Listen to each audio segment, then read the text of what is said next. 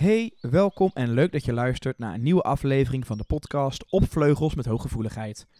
Deze podcast is gemaakt door Inge Vleugels, eigenaar van Coach Balans, in de hoop dat je meer grip gaat krijgen op je hooggevoeligheid.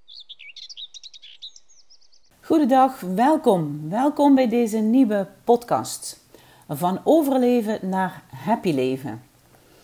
Superleuk om uh, te ontdekken en te ervaren dat jullie me heel veel vragen stellen. En die vragen komen binnen via de mail of via persoonlijke berichtjes.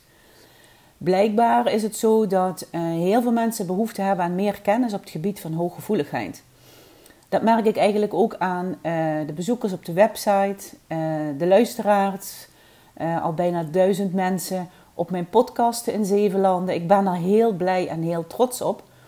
En het geeft voor mij eigenlijk het gevoel dat ik op de goede weg ben. En ik ben op de goede weg in die zin dat ik het heel fijn vind om mijn passie te delen, mijn kennis te delen. En ik het heel belangrijk vind om ook stil te staan bij jullie vragen. Voor vandaag heb ik zeven mooie vragen uh, uitgekozen. En die zal ik uh, uitgebreid met jullie gaan uh, bespreken en behandelen.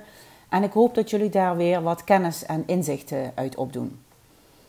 De eerste vraag die ik kreeg uh, is: Ik raak zo vaak overprikkeld van de digitale wereld om me heen. En dat is eigenlijk een vraag die best wel vaker voorkwam. En ik vind het belangrijk om daarop in te gaan, want we leven natuurlijk in een drukke wereld uh, waarin heel veel uh, prikkels, geluiden en beelden bij ons binnenkomen. Het is ook een onrustige wereld door de corona. En wat ik zelf ook merk is dat we meer gefocust zijn op sociale media. Want we missen eigenlijk contact, we missen verbinding en uh, we vinden het heel belangrijk om wel dat te voelen. Zeker als je hooggevoelig bent, is connecten met een ander heel belangrijk. Um, doordat we meer televisie kijken en meer gefocust zijn op sociale media, raken we overprikkeld. En die hoeveelheid overprikkels krijgen we soms niet goed verwerkt. Dus er komt via televisie komt bijvoorbeeld heel veel geluid binnen komt heel veel informatie binnen. Vaak ook kleur, bewegende beelden. Uh, op je gehoor doet het heel veel. En dat maakt dat je soms overprikkeld kan raken. Bedenk maar eens voor jezelf dat op het moment dat je naar het journaal kijkt en uh, je negatieve berichten hoort, dat het een grote impact op je heeft. Films uh, waarin heftige dingen gebeuren, kunnen we ook niet zo goed tegen. Heeft ook een heel groot impact op ons. Het komt eigenlijk omdat ons inlevingsvermogen heel hoog is. Dus het komt eigenlijk veel uh, pittiger en dieper bij ons binnen. We kunnen ons heel goed inleven in de emoties. Dus ook met een film kunnen we echt de diepte ingaan. En eigenlijk uh, zou je zo kunnen zeggen dat dat een beetje een aanval is op je zintuigen. Het maakt het allemaal vrij intens. Uh, wat ik ook heel vaak hoor is dat mensen last hebben van um, appjes die binnenkomen, uh, piepende telefoons, oproepen, uh, groepsappen die allerlei deuntjes hebben. Zet het wat vaker uit. Kijk niet elk uur bijvoorbeeld op je telefoon wat er gebeurt op Facebook en op Instagram en op LinkedIn en op andere kanalen. En probeer voor jezelf de verwachting wat lager te zetten en probeer daar ook naar te reageren. Dus beperk gewoon echt je, uh, ja, je iPad-tijd of je mobieltijd dat maakt dat je je een stuk rustiger voelt. Wat ook um, belangrijk is om te weten, ik heb een aantal jaren cognitieve gedragstherapie gegeven bij chronische slaapstoornissen. En daarin hebben we het uitvoerig gehad over wat um, de kleur van je beeldschermen met je doen. Uh, zoals jullie misschien wel weten, geven een computer en uh, um, de e-readers en iPads geven blauw licht af. En blauw licht activeren je hersenen. En dan denken je hersenen van, hé, hey, het is bijna dag, laat ik eens lekker actief worden. En dat is een van de redenen waarom mensen vaker slechter slapen. Dat zie je zeker bij uh, pubers en jongeren. Tot eigenlijk in bed blijven uh, op het beeldscherm kijken, vertraagt je slaap. Kijk, op het moment dat het donker wordt, maken we zelf automatisch een stofje melatonine aan. En het zorgt er eigenlijk voor dat we langzaam in ruststand staan en dat we slaperig worden. Die melatonine uh, is natuurlijk helemaal verstoord dan. Dus logisch dat er dan slaapzorgen uh, of problemen komen. Dus probeer eigenlijk een uurtje voor je naar bed gaat niet meer op je telefoon of je iPad te kijken. Maar probeer op een andere manier even je rust te vinden. Dus geef je hoofd en je ogen rust. Zet ook af en toe gewoon even de telefoon uit als dat kan. Ik heb bijvoorbeeld zelf dat ik s'avonds om tien uur de telefoon gaat die op stil tot ochtends 9 uur. En ik heb het zo ingesteld dat alle telefoontjes en appjes wel binnen kunnen komen, maar dat ik uh, daar geen melding van krijg. Op een aantal mensen na die mij altijd dag en nacht uh, kunnen bereiken in geval van nood. En dat zijn er hooguit vijf of zes, daar ben ik altijd voor bereikbaar, dus dat geeft een goed gevoel. Maar voor de anderen uh, zet ik het gewoon even uit. En dat is puur om jezelf te beschermen. Dus kijk eens of dat op je telefoon ook kan. Want dat is echt, een, uh, ja, dat is echt heel erg prettig. De volgende vraag die ik kreeg, en dat vond ik ook wel een hele bijzondere. Uh, kan de overgang invloed hebben uh, op je hooggevoeligheid? En dat is natuurlijk een, een vraag die ik vaker krijg. En zoals we weten hebben we in de overgang meer last uh, door onze vrouwelijke hormonen. En omdat wij uh, heel goed zijn afgesteld um, door ons gevoeliger zenuwstelsel, ontvangen we meer signalen. We zijn meer gefocust op ons lijf en we zijn meer gefocust op wat we denken en voelen. En dan zeg ik altijd: alles is maar factor 10. Dus uiteraard is voor ons de overgang dan ook wat pittiger. We hebben meer last van kou, van warmte, van transpireren en van pijn. En dat komt gewoon puur omdat we intenser waarnemen en meer alert zijn op wat we voelen en wat we denken. En natuurlijk zorgen die hormonen voor schommelingen. En die kunnen natuurlijk ook voor zorgen dat we sneller overprikkeld raken. je kan je voorstellen als je hormonen omhoog schieten en je hebt ook nog wat andere zorgen in je leven, uh, of er lopen wat dingen niet zo lekker als je wil, dat je hoger piekt dan bijvoorbeeld iemand die niet uh, zo gevoelig is. Maar accepteer dat van jezelf. Wat ik ook heel vaak uh, zie is dat uh, de mensen minder, of de dames minder energie hebben en een lagere concentratie. Dat hoor ik natuurlijk over het algemeen wel bij mensen in de overgang. Maar ook dit is wat intenser. En het overnemen van stemmingen van een ander, dat is een heel belangrijk onderwerp. En ik denk dat ik daar een keer een aparte podcast over ga maken. Want het heeft te maken met energieoverdracht. Welke energie blijft bij jezelf en welke energie is van een ander? Het kan ook zo zijn dat je energie van iemand overneemt. Kijk, je voelt je bijvoorbeeld goed. En op het moment dat je um, opeens je onwel voelt, of niet lekker, of opeens hoofdpijn hebt, of je vreemd voelt, kan het best zo zijn dat je dit hebt overgenomen van iemand die je tegenover je hebt gehad. Dus het is heel belangrijk om te leren wat past bij mij en wat is van de ander. En uh, dat kun je leren. Je kunt leren ervaren wat bij jezelf past en wat bij de ander past, maar ook hoe je daarvoor kan beschermen. Wellicht is het interessant om daar een keer uh, samen over te sparren. Wat is nu met name belangrijk als je in de overgang bent? In mijn beleving, zorg dat je zeker 8 à 9 uur slaapt. Het is bewezen dat we langere slaaptijd nodig hebben uh, om ons beter te voelen. We hebben meer te verwerken en we hebben ook meer energie uh, nodig. Dus zorg dat je uh, een mooie structuur hebt in je dag en in je nachtritme. Probeer echt je stress te verminderen. Kijk naar je draaglast en je draagkracht en kijk eens wat in balans is. En als je te veel last draagt, dan zak je op een gegeven moment ja, zak je door de bodem. En dat kan natuurlijk niet de bedoeling zijn. Dus probeer te kijken hoe je je stress kan verminderen. En de eerste belangrijke is natuurlijk om te zorgen dat je dan je grenzen aangeeft. Geef aan wat je wel en wat je niet kan.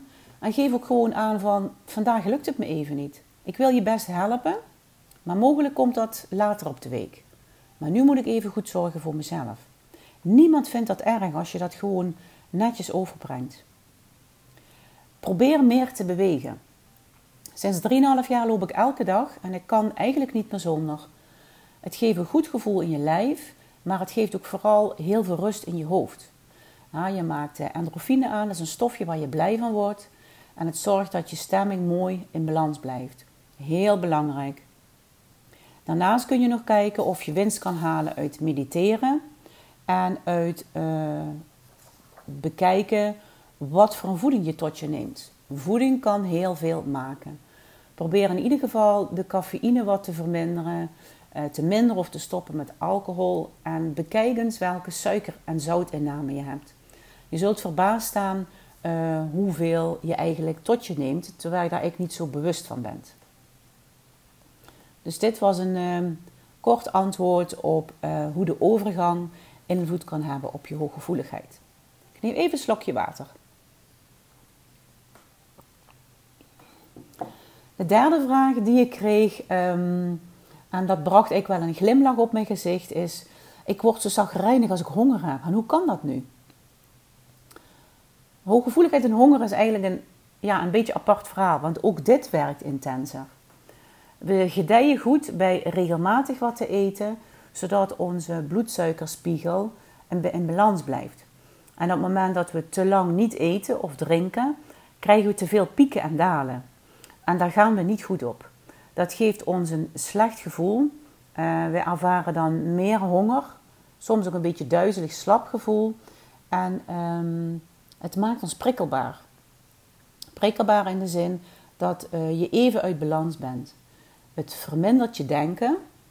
En wat ik vaak uh, ervaar en ook hoor bij anderen, is dat je je dan wat kwetsbaarder voelt. Omdat je even, ja, een soort uit je evenwicht bent, letterlijk en figuurlijk. Dus wat heel belangrijk is voor ons, is op tijd kleine beetjes eten. Geef, uh, luister heel goed naar wat je lichaam aangeeft. Hè. Je lichaam is vaak heel slim, slimmer dan je hoofd. En als je lichaam aangeeft, ik voel me wat slap, zorg dan dat je gewoon even iets kleins eet. En dat kan ook een gezond tussendoortje zijn, een paar noten of een, een lekkere appel of een, een rijstwafel. Um, en wat ook heel belangrijk is, is zorg dat je voldoende water drinkt. Water is heel belangrijk uh, voor ons. Het zorgt dat de afvalstoffen goed uit ons lijf gaan, maar het zorgt ook vaak dat negatieve energie wegvloeit. Dus eet op gezette tijden, voorkom stress en probeer met rust en regelmaat uh, structureel gewoon te eten. En uiteraard zal niet elke dag dit lukken, maar probeer er wel naar te streven. Heel belangrijk vind ik.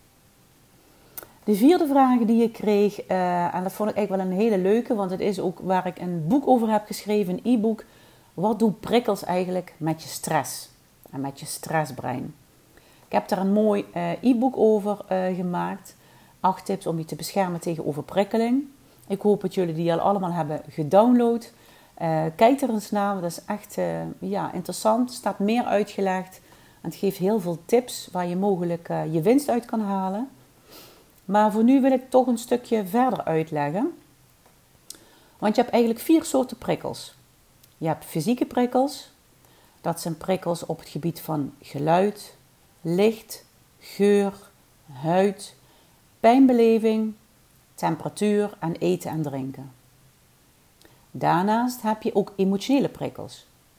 En hiermee bedoel ik eigenlijk je eigen emoties, de emoties van anderen uh, het feit dat je dieper geraakt wordt door de dingen om je heen. Uh, sferen die je heel goed kan voelen en stemming. En uh, sociale verstoringen. En daarmee bedoel ik dat als je een ruimte binnenkomt, privé of op je werk, dat je eigenlijk al voelt dat er iets niet klopt. Of dat mensen dingen aangeven terwijl ze een andere lichaamstaal hebben. Ze zeggen bijvoorbeeld het gaat goed, maar je ziet en voelt in de onderlaag eigenlijk dat het niet goed gaat. Kan voor ons heel verwarrend zijn. Mentale prikkels. Hiermee bedoel ik eigenlijk alles wat te maken heeft met denken, leren en verwerken van informatie. En dan heb je nog spirituele prikkels. En dat, hiermee bedoel ik eigenlijk dat um, je dingen kan aanvoelen die er ook niet zijn. Um, het niet gegrond voelen, het niet geaard voelen. En eigenlijk naar de diepere laag. Het wil niet zeggen dat als je hooggevoelig bent, dat je ook per definitie spiritueel bent. Maar je kan, als je daar open voor staat, dat wel ontwikkelen. En dat is een hele mooie reis, kan ik je vertellen. In die prikkelverwerking heb je eigenlijk twee variabelen. En daar bedoel ik mee de prikkelintensiteit. De prikkelintensiteit bedoel ik mee de hoeveelheid prikkels die je binnenkrijgt. En de prikkelkwaliteit bedoel ik eigenlijk de mate van voldoening van wat je aan prikkels binnenkrijgt, geeft dat voldoening voor je. En um, stress kan dus ook functioneel zijn. Hè? Stress activeert, het zorgt voor vooruitgang en het zorgt voor innovatie en zelfontwikkeling. En een, een beetje gezonde stress is altijd wel lekker. Daar gedijen we eigenlijk vaak goed op. En het zorgt ervoor dat je uit je comfortzone komt. Het zorgt dat je groeit en naar je groeizone gaat. Het is wel belangrijk dat je de balans tussen draagkracht en draaglast ook hier weer uh, goed voor ogen houdt. Want op het moment dat je te veel prikkels ervaart, uh, zie ik vaak de volgende klachten. Uh, een vol hoofd, het niet voldoende kunnen afschakelen, waardoor je ook vaak slaapproblemen creëert. Het is voor ons heel belangrijk om s ochtends even rustig de dag op te starten en s'avonds even rustig de dag af te schakelen. Op het moment dat je de prikkels van de dag verwerkt, door bijvoorbeeld even te lezen of te mediteren, uh, ga je ook makkelijker in slaap komen.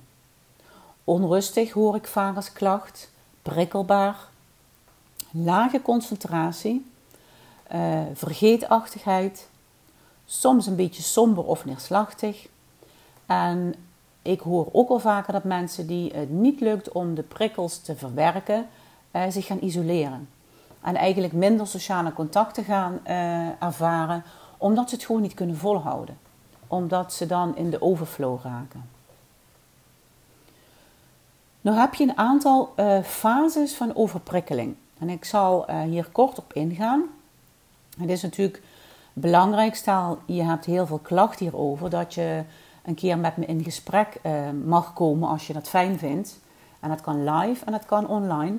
Om te kijken waar bij jou de balans verstoord is. En dat we samen zorgen om dat stukje op te lossen. En dat is echt maatwerk. Dat verschilt echt van persoon tot persoon. De fases van overprikkeling is, de eerste is de overprikkeling van je jeugd. En dat is eigenlijk de bodem waarop je groeit ik heb in eerdere podcasten uitgelegd wat een veilige of een onveilige jeugd met je kan doen en wat dat voor een invloed heeft op je hooggevoeligheid als volwassen persoon. Dus de jeugd heeft zeker uh, ja, een overprikkeling die langere tijd kan duren.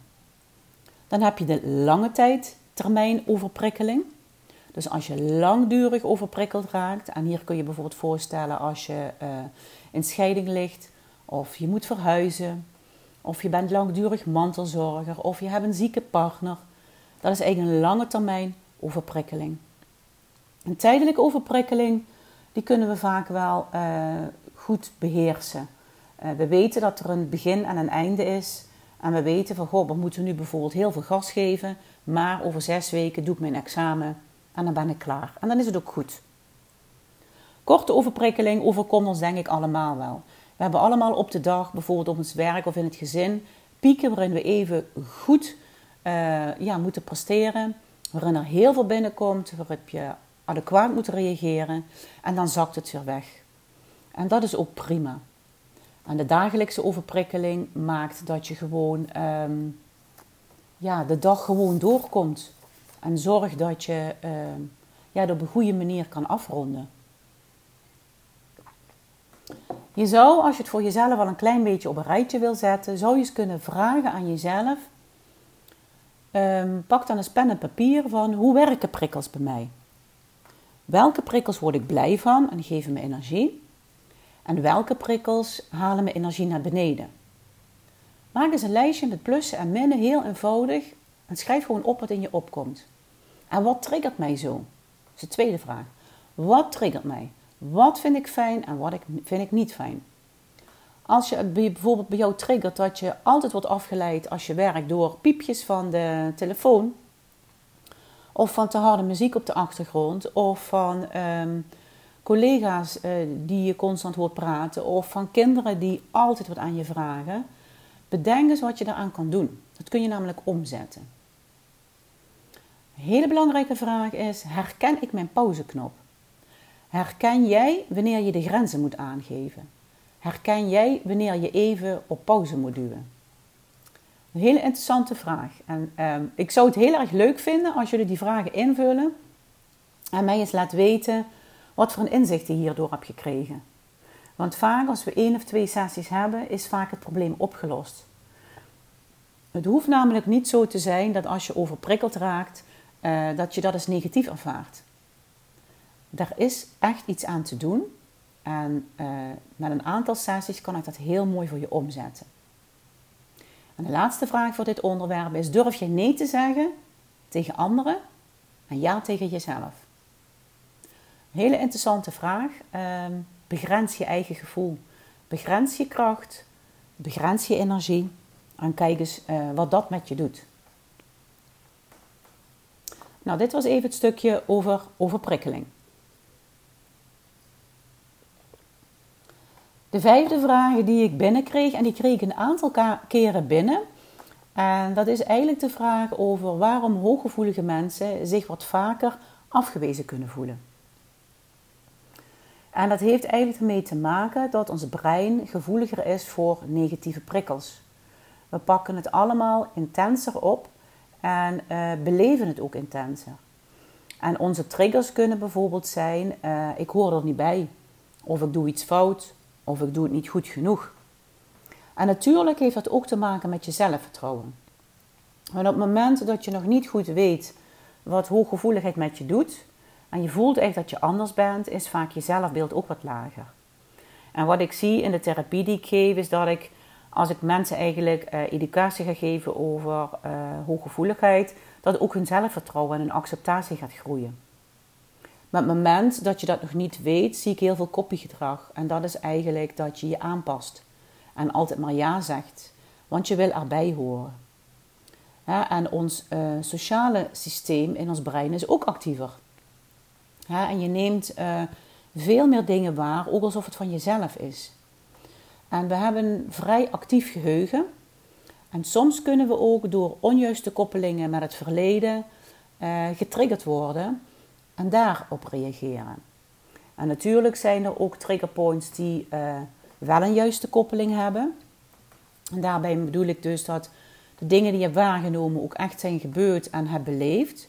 En soms is het ook nodig om dat kinddeel door middel van innerlijke kindtherapie nog een stukje te laten groeien. Um, maar soms maken we ook in ons hoofd uh, het wat groter dan het nodig is. En dat is natuurlijk jammer. Want negatieve gevolgen kunnen ons ook angstig maken.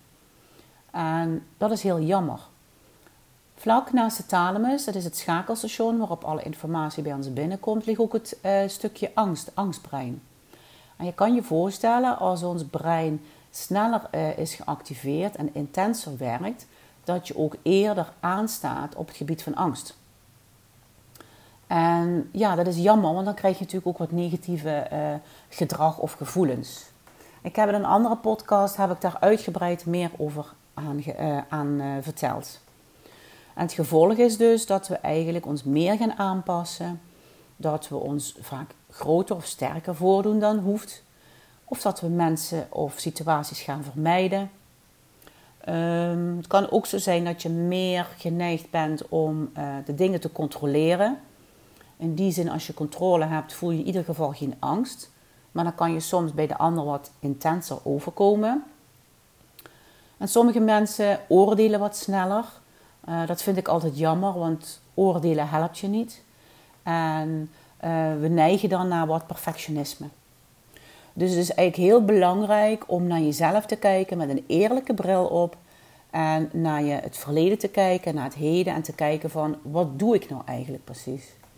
En als je je zelfvertrouwen durft te gaan opbouwen en kritisch naar jezelf durft te kijken, maar ook met heel veel liefde, zul je ook merken dat dat stukje er niet bij horen en afgewezen voelen uh, minder wordt of zelfs weggaat. En belangrijk is dat je hierbij de verbinding met jezelf gaat zoeken. Dit was even over het stukje je afgewezen voelen. De zesde en ene laatste vraag die ik vandaag met jullie wil bespreken is: um, wat zijn de kenmerken van high sensitive seeker? 70% van de mensen, 1 op de 5 mensen is hooggevoelig, waarvan 70% HSP'er zijn en 30% HSS'er. En ik kreeg de vraag of ik gewoon kort wil benoemen wat daar eigenlijk uh, meer opvalt. En het grote verschil is eigenlijk dat uh, de sensatiezoeker, want dat is het eigenlijk, meer energie halen uit prikkels. Je wilt eigenlijk van alles meer. Je wil weer meer beweging, je wil meer actie. Je bent eigenlijk op je best bij nieuwe projecten. En je hebt wat minder behoefte aan de regelmaat. Ehm, wat ik vaak zie is dat uh, er ook uh, een aantal mannen bij mij in de praktijk komen die ook uh, eh, HSS'er zijn. En die gedijen heel goed op pittige banen. Op lekkere uitdaging, op goed pieken. En daarna, um, dat kunnen ze een tijdje volhouden, maar dan hebben ze ook wel een periode even nodig om weer tot rust te komen. Dus hun pieken en hun dalen wat meer, terwijl de HSS er wat meer kabbelt. Ze hebben ook wat minder behoefte aan regelmaat. Ze hebben wat minder rust nodig en zijn wat sneller verveeld. Gemakkelijk in omgang en ook best wel flexibel vind ik. Wat wel opvalt is dat ze sociale prikkels weer wat minder uh, oppakken en daardoor soms ook wel wat overspoeld kunnen raken. En verder zie ik nog wel dat ze af en toe wat vergeetachtig zijn en weinig tijdsbesef hebben. Dus het zijn eigenlijk hele mooie kenmerken van een sensatiezoeker die ook heel gevoelig is. En het kan ook zo zijn dat je gewoon uh, van beide componenten uh, kenmerken hebt. En dat is ook prima. Kijk, we plakken geen etiketje erop. Maar kijk vooral bij jezelf. Wat past bij mij? Waar zijn mijn kwaliteiten? Waar heb ik eventueel last van en zou ik kunnen ombuigen? Heel mooi. Nou, dan ben ik gekomen voor vandaag uh, bij de laatste vraag. En dat vond ik ook wel een interessante. Ik blijf me maar verantwoorden tegenover iedereen. Ik leg altijd maar verantwoording af waarom ik de dingen wel of niet doe. En het eerste wat dan in me opkomt is: waarom doe je dat? Je hebt eigenlijk alleen maar verantwoording af te leggen aan jezelf. Als jij met een eerlijk en open blik naar jezelf kijkt en aangeeft: dit is mijn grens en dit kan ik niet, dan moet het gewoon eigenlijk goed voelen. En het heeft te maken met wederom een stukje lager zelfbeeld en uh, moeite om grenzen aan te geven. Want je wil het voor iedereen goed doen. Je wil iedereen blij maken. Je wil iedereen pleasen. Zo zitten we in elkaar.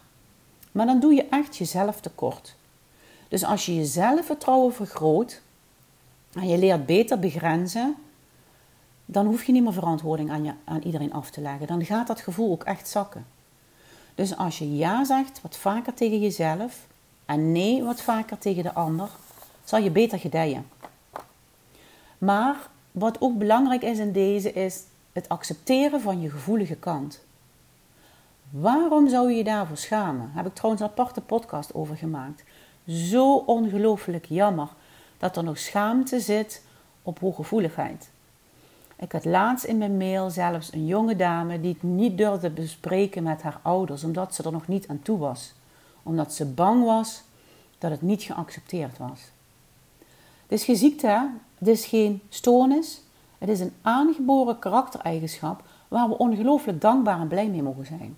En het enige wat je hoeft te doen is het accepteren en te leren hoe je met je valkuilen en je kwaliteiten moet omgaan. That's it. We zijn meer dan alleen hooggevoelig.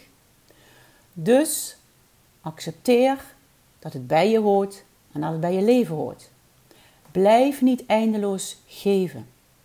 Bewaak je grenzen en geef alleen als het goed voelt. En als iemand bijvoorbeeld aan jou vraagt van, goh, wil je vanavond komen helpen, ik noem maar iets. En je weet het even niet, dan zeg je, ik denk er even over na, ik kom er straks even op terug. En dan kun je op een later moment kun je even gaan voelen wat het met je doet. En als je die dag bijvoorbeeld overprikkeld bent of het is te veel voor je, dan geef je dat aan. En dan zeg je, vanavond lukt me niet, ik wil je wel een keer komen helpen, maar nu even niet. En dan zal niemand zeggen dat hij dat erg vindt. Maar dan leg je wel ehm, het bij jezelf. dus de verantwoording van wat je wel en wat je niet doet, dat is je eigen gevoel. En als je dichter bij je gevoel blijft, uh, zul je daar gelukkiger bij worden. Nou, ik hoop dat ik met deze zeven boeiende vragen jullie weer een stukje verder heb geholpen met uh, het accepteren van je hooggevoeligheid. Ik zou het super leuk vinden als je ze een reactie wil geven. Dat kan via een persoonlijk berichtje. Dat kan via de mail. Maar het mag ook in mijn besloten Facebookgroep op Vleugels met Hooggevoeligheid. Daar kan je, als je het leuk vindt, lid van maken. Je krijgt dan van mij drie vragen. Uh, en dan kan ik je toegang geven tot mijn groep. Waarom doe ik die drie vragen? Dat is eigenlijk om te voorkomen dat er ook mensen komen die daar wat minder affiniteit mee hebben. Want het doel van de groep is om onze gevoelens en gedachten op een veilige manier in een fijne groep te delen. Vind ik heel belangrijk. Heb je nou aan de hand van deze podcast vragen of zou je eens met mij willen sparren over een aantal dingen die je dwars zitten of waar je ehm, meer inzicht of kennis zou willen hebben? Dan is dat altijd mogelijk. Dan kunnen we een, uh, een inzichtgesprekje samen plannen waarin ik je al een stukje op weg help. En het mooie is dat uh, alles eigenlijk ook online kan. Dus woon je ook niet in Limburg en kan je niet naar mijn praktijk komen, dan kan ik je ook gewoon uh, online heel goed helpen. Neem eens een kijkje op mijn website www.coachpraktijkbalans.nl. Kijk eens op mijn YouTube kanaal en uh, ik hoop dat jullie weer een stukje blijer zijn.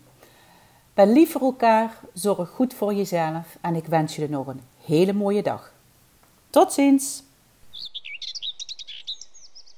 Hopelijk heb je wat gehad aan deze podcast. Wil je nou altijd op de hoogte blijven? Vergeet dan niet deze podcast te volgen en te liken. En voor meer informatie kun je terecht op coachpraktijkbalans.nl.